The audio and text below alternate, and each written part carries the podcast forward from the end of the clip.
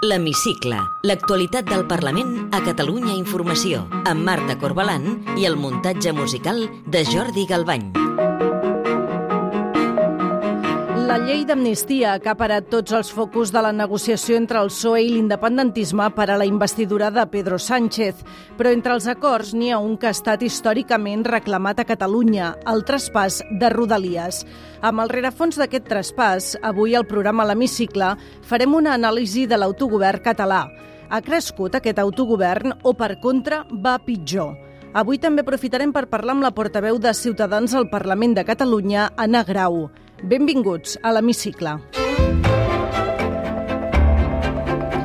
El traspàs integral de Rodalies era una reivindicació històrica de la Generalitat. L'any 2007, l'aleshores president espanyol José Luis Rodríguez Zapatero va obrir la porta per primer cop al traspàs. Como sé que es de su interés, del interés de varios grupos parlamentarios y del interés de los ciudadanos de Cataluña, sí puedo anunciarles que en el mes de enero el Gobierno procederá a la transferencia de las cercanías de Renfe a la Generalitat de Catalunya. 16 anys després, el PSOE i Esquerra Republicana han acordat el traspàs integral de Rodalies abans del final de la legislatura.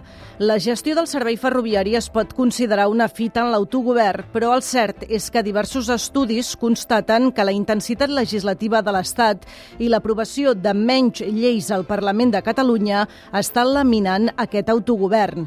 Sense anar més lluny, l'any passat el Congrés va aprovar una cinquantena de lleis i el Parlament només una desena. El Parlament de Catalunya havia reduït certament el seu marge d'actuació, no només perquè la sentència de l'Estatut de 2010 eh, va reduir l'espectre de matèries eh, de competències de la Generalitat sobre les que eh, regular, i en segon lloc perquè l'Estat cada dia ocupa més espais amb el pretext de garantir el tractament igualitari dels drets, eh, l'interès general, la unitat de mercat o fins i tot qüestions que diu que afecten a la planificació de l'activitat econòmica. Un exemple, per exemple, és el mínim vital.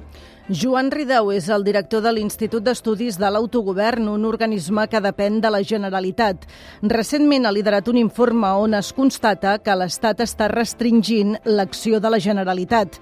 Les polítiques socials és un dels àmbits on ha minvat més l'autogovern de Catalunya. En especial, eh, polítiques socials. Eh, és un àmbit en el que la competència de la Generalitat s'ha vist molt, molt afectada. A més a més, el govern Sánchez eh, ha fet ús de tots els instruments que li dona la Constitució per legislar sobre temes de tradicional competència autonòmica, en habitatge, en igualtat, eh, en renda garantida.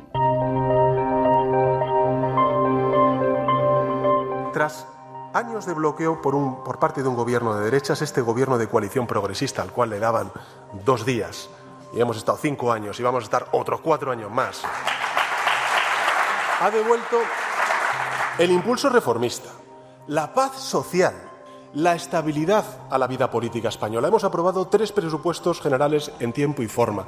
Hemos aprobado 200 iniciativas legislativas. 200. Fa uns dies, el líder del PSOE, Pedro Sánchez, i la líder de Sumar, Yolanda Díaz, van anunciar l'acord per tornar a reeditar un nou govern de coalició. Un acord que formen 230 mesures, algunes de les quals, segons Ridau, envaeixen competències autonòmiques. Aparentment n'hi ha que, que queden dintre de l'àmbit de la competència estatal, eh, les de caràcter laboral, fiscal, la reducció de jornada, el salari mínim, els permisos de maternitat, eh, i n'hi ha que entraran clarament en conflicte o en col·lisió amb, amb les competències de la Generalitat i les comunitats autònomes en matèria educativa, en sanitat, en medi ambient, perquè és un àmbit en què l'Estat fixa el que en diem les bases, és a dir, el mínim comú normatiu, i de vegades aquest mínim comú normatiu que fixa l'Estat no és tan mínim, més aviat és eh, expansiu, no? Probablement Rodalies és un dels traspassos amb més simbolisme històric, tot i que també de gran complexitat tècnica. Però no s'ha d'oblidar que l'Estat encara té al calaix una quarantena de traspassos pendents, alguns més encarrilats que d'altres, com la gestió de les beques universitàries o salvament marítim. Té la paraula Hola, sóc Anna Grau, portaveu de Ciutadans al Parlament, periodista, escriptora i persona humana, i ben encantada d'estar aquí parlant amb vosaltres. Benvinguda al programa L'Hemicicle. Si li sembla bé, començarem parlant de la investidura de Pedro Sánchez, que s'ha encarrilat aquesta setmana amb l'acord de l'amnistia. Per a vostè, aquesta llei té cabuda dins la Constitució? A veure, jo eh, sincerament crec que no.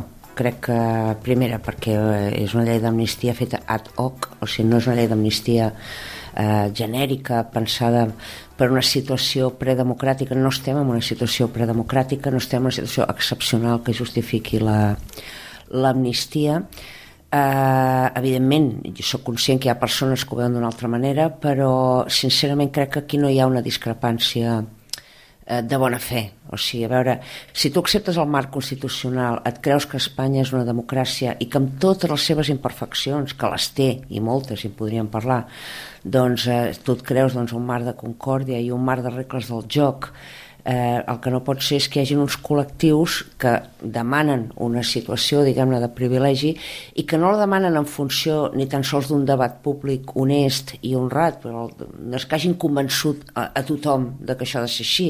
El que han fet valer és una capacitat de pressió. Entenc que Ciutadans no té prou força parlamentària per poder portar la llei d'amnistia al Tribunal Constitucional, però tenen prevista alguna altra resposta judicial? Home, nosaltres no renunciem a cap, a, a cap resposta de, contra això, però deixi'm dir-li que jo personalment, i, i ara parlo, parlo en nom de Ciutadans, però parlo sota del nom de l'Anna Grau, crec que l'aportació més important que ha de fer Ciutadans en aquest moment és primera fer pedagogia, explicar-ho, perquè clar, aquí a mi eh, ens hem instal·lat en un marc polític, jo l'he de reconèixer al senyor Pedro Sánchez que té, un, té una gran habilitat política, no, no es pot dir mateix del senyor que té al davant, el senyor Alberto Núñez Fejo, perquè ja és trist, ja és trist que diguem-ne que els que estem en contra d'això, o els que, perquè no, no som nosaltres només, el PP també diu que, bueno, depèn del dia, jo a vegades sospito que si el senyor Fejo hagués vist una manera de, de de rendibilitzar. Això que potser la veurà a llarg o mig termini. Vull dir, a mi m'ha dit gent del PP que bueno, mira, que un cop amnistiats amnistiats queden i si això facilita doncs, aquests pactes que el senyor Feijó també li hauria agradat fer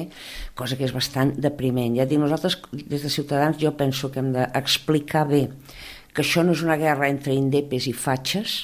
O sigui que, no, que en contra de l'amnistia no és ser un fatxa, és estar a favor doncs, de que tots siguem iguals davant de la llei i que hi hagi unes regles del joc per tots i que si ara li dono un cop de puny a vostè doncs això tingui conseqüències i que jo no pugui fer valer la meva condició de política perquè no passi res, no sé com dir-li. I, eh, i sobretot també donar una sortida eh, jo penso que hi ha moltes persones que no estan contentes amb això ni amb el resultat del que han votat. Fins i tot penso que hi ha votants independentistes que acabaran donant-hi una volta i veient que no era això, companys, no era això. I per descomptat molts votants socialistes que hauran dit, bueno, escolti, jo no, jo no volia això. Llavors jo penso que tant el PP com a Vox estan resultat d'una ineficàcia absoluta per explicar diguem-ne que, que es pot estar contra això des d'una postura diguem-ne progressista no, no, no d'extrema dreta no de... penso que no troben el to no troben la manera no troben probablement la convicció jo no veig en, o sigui, veig a vegades veig més tàctica eh? a vegades penso que si ells poguessin també ho farien i nosaltres de Ciutadans penso que ens pertoca explicar-li a la gent eh, escolti, allò dius eh, punxar el globus dels mons de llupis i escolti, hi ha una altra manera de les coses això es podria, i fins i tot el famós retrobament entre uns i altres, es podria encarregar d'una altra manera. No s'ha de fer d'aquesta manera, que és d'alguna manera justificar el bullying polític dels que tenen la sort d'estar, diguem-ne, en nòmina del processisme institucional i con llicència per arrasar, ara doncs, per, per, per l'aritmètica parlamentària, i els que no, i els que ens pensaven doncs, que tots érem iguals i valíem el mateix, ja ens estan dient que no. I creu que l'amnistia suposarà el final del procés independentista o creu que el PSOE també es mostrarà tard o d'hora disposat a negociar un referèndum d'autodeterminació, tenint en compte que aquesta legislatura espanyola el PSOE dependrà de l'independentisme sempre? Bé, jo penso, insisteixo, que hi haurà una dependència mútua. Això no, no ens sortirà res de bo d'aquí. El nostre objectiu és minimitzar els efectes negatius, o sigui, intentar, doncs, eh, no sé, eh, ser com aquells monjos, sap que quan eh, els bàrbars van invadir Roma i van entrar, va venir la primera etapa fosca, l'edat mitjana es van tancar els monestirs i anaven copiant amb paciència els llibres, preservant la cultura per quan tornés a sortir el sol, doncs pues miri, en això estem.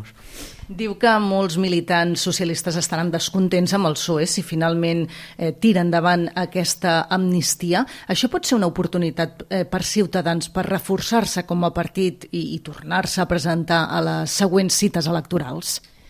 Home, mm, sens dubte, nosaltres eh, tenim tota la intenció, de fet, a veure si hi hagués hagut repetició electoral. Eh, mm, jo sempre vaig dir per mi sí va ser un error no presentar-se el 23 de juliol, sempre ho he dit, ho he dit lleialment, la els he dit a la direcció a la cara, ho he dit públicament, eh, era un error que ara s'està disposat a rectificar eh, el senyor Carrizo s'ho ha dit moltes vegades que sí, sí que ara sí hi havia evidentment ara no tindrem aquesta oportunitat a curt termini però evidentment sí que serem a les eleccions europees a les eleccions catalanes Si li sembla bé, ens endinsem ja ara en el terreny més personal i li demano ara si pot contestar amb respostes al màxim de breu possibles Recorda que volia ser de petita? Ui, doncs vaig voler ser astronauta eh, psiquiatra, torera, monja i, i, i escriptora. Això sí, a partir dels 10 anys vaig decidir que volia escriure. Amb quin diputat o diputada que no sigui del seu grup compartiria una sobretaula distesa? Amb uns quants, amb uns quants. Uh, miri, l'altre dia parlàvem, tenim pendent un, un, un, un dinar amb el, amb el senyor Dalmases, perquè vàrem estar negociant això del, del, d'Israel i, i, i, i, bueno, i de fet fins i tot algun, algun exdiputat l'altre dia em vaig trobar el senyor Rull i em va demanar de quedar també, no, no, jo, jo parlo amb tothom jo parlo amb tothom, sí, sí. Té algun viatge pendent de fer? Doncs miri, uns quants. Tinc ganes d'anar a Japó, a, a Groenlàndia, a Islàndia, a Grècia, que no hi he anat mai, però probablement aviat ara faré un viatge a la Xina, que ja hi he estat però fa molt que no, que no, que no hi torno i bueno, mira, i ja per acabar, completi la frase següent. El que més m'agradaria del món és... Viatjar i escriure. Anna Grau, portaveu de Ciutadans al Parlament de Catalunya, gràcies per atendre'ns a l'hemicicle de Catalunya Informació. A vosaltres. Podeu tornar a escoltar l'hemicicle al web catradio.cat barra hemicicle o al podcast del programa i seguir l'actualitat del Parlament al perfil de Twitter arroba L-hemicicle.